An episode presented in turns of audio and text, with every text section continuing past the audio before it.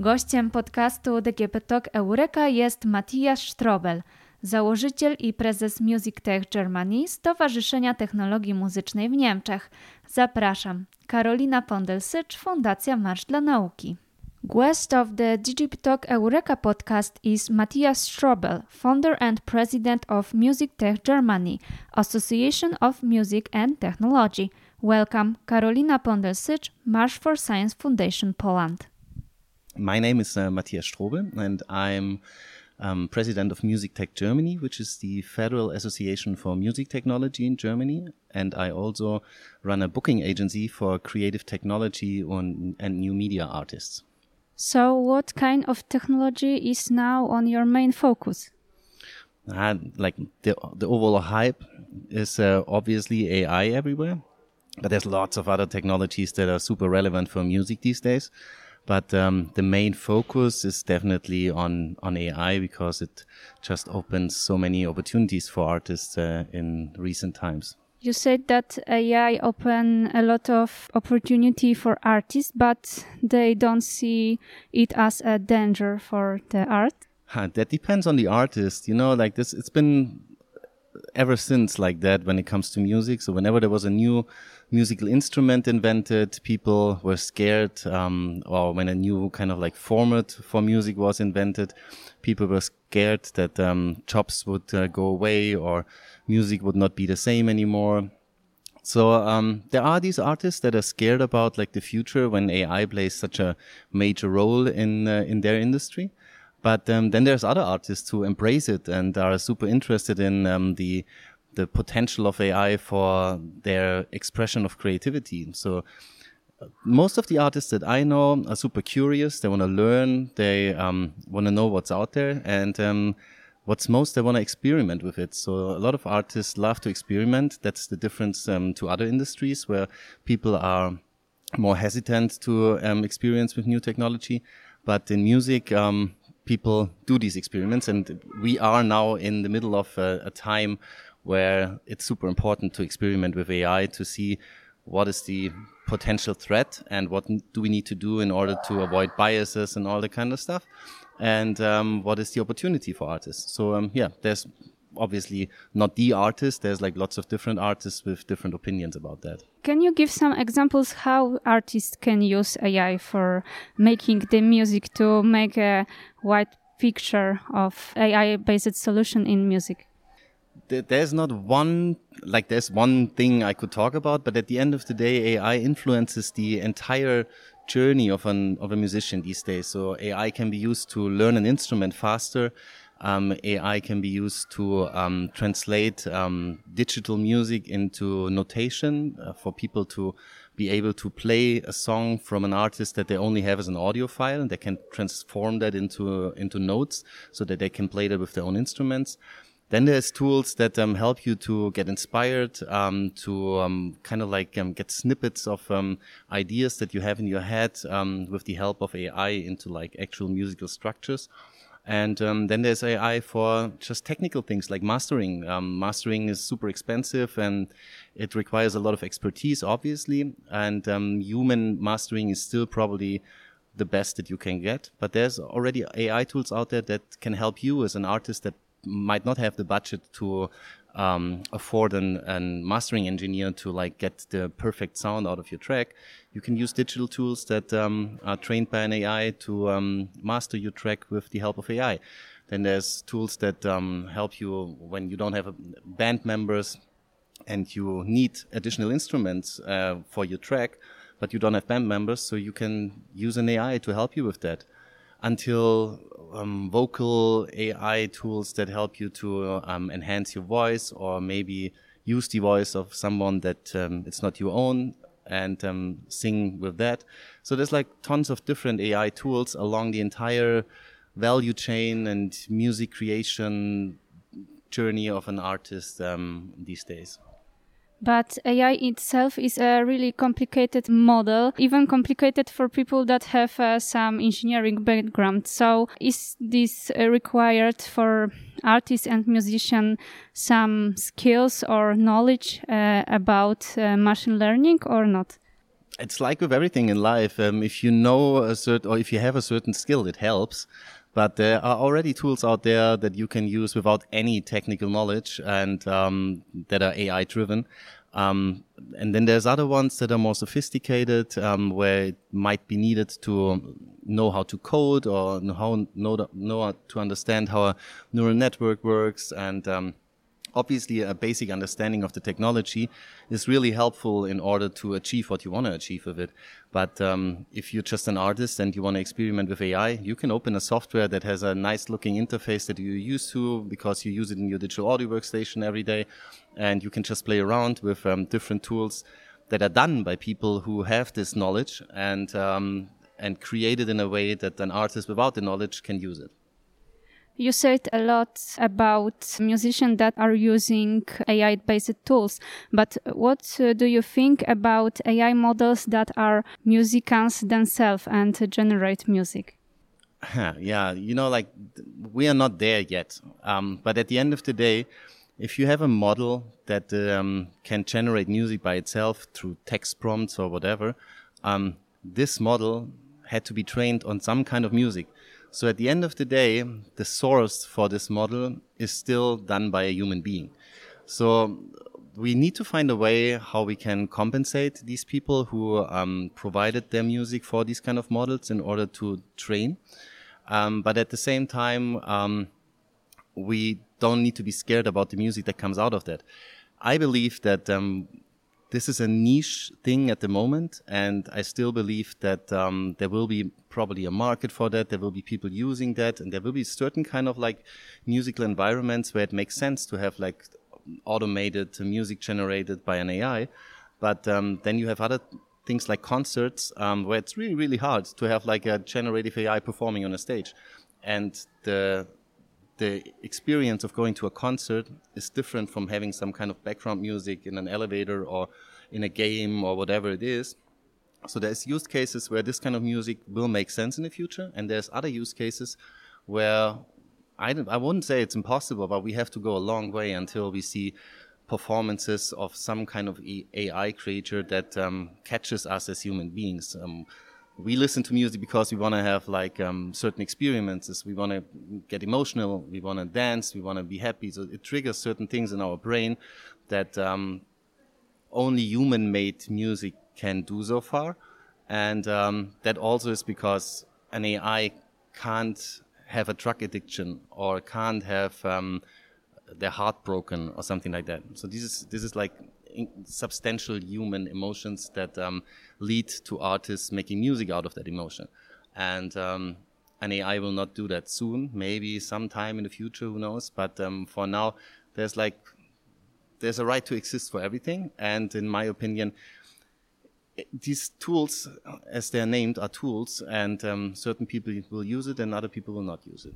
Can we say that we are currently facing a new style of music, AI music or AI supported music? You mean a genre?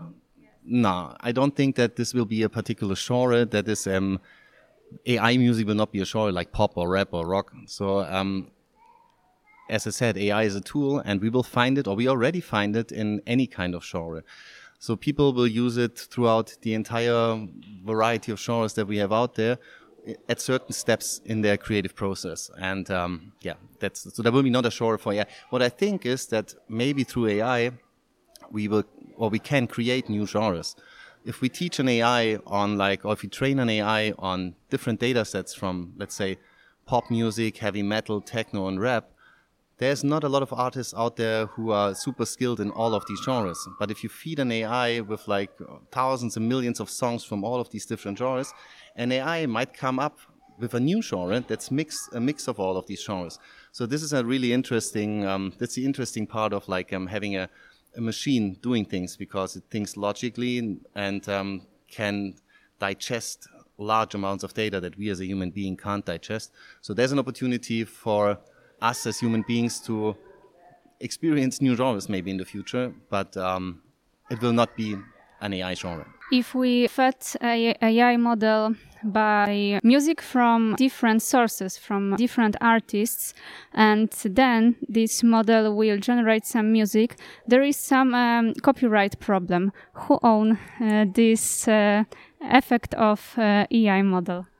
that this is a big question and it's debated everywhere um, how to compensate uh, the rights holders of this music and um, and is the music that comes out done by the engineer who built the model or is it done by um, the human being that created the training data in the first place so i think we have to find a way in the future to allow people to opt in or opt out for training data and if you're an artist and you are super open and you say, uh, look, I'm going to give you all my catalog of music um, for you to train an AI.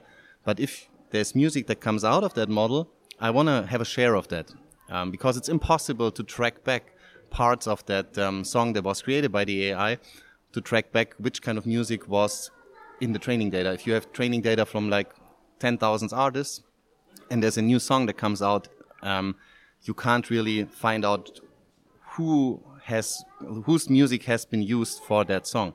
So we need to find another way, maybe a percentage of like um, if if there's money being made by that song, a percentage that gets um, distributed to all the people who provided the training data.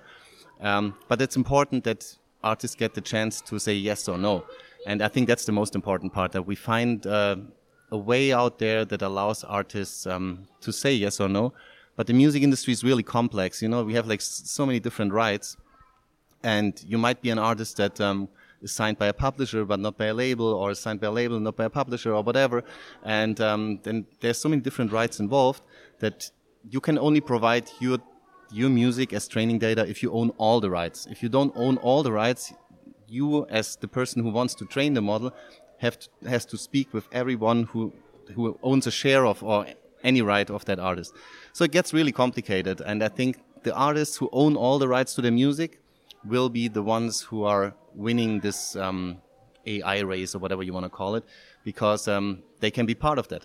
And artists who don't own all the rights can't be part of that um, without asking all the other people who are part of their or owning parts of their music. There is a collaboration with musicians, scientists, and programmers in process of uh, making such AI-based tools for artists all of them are like if you start training a model with music and um, so if you're a researcher and you do it just for the sake of research and you want to write a paper to just find out if a model works or if this and that kind of like scenario would work or not i guess that uh, you don't have to talk to an artist. You can just use any kind of stock music in for the purpose of training a model and finding out for research purposes if it, if it works or not.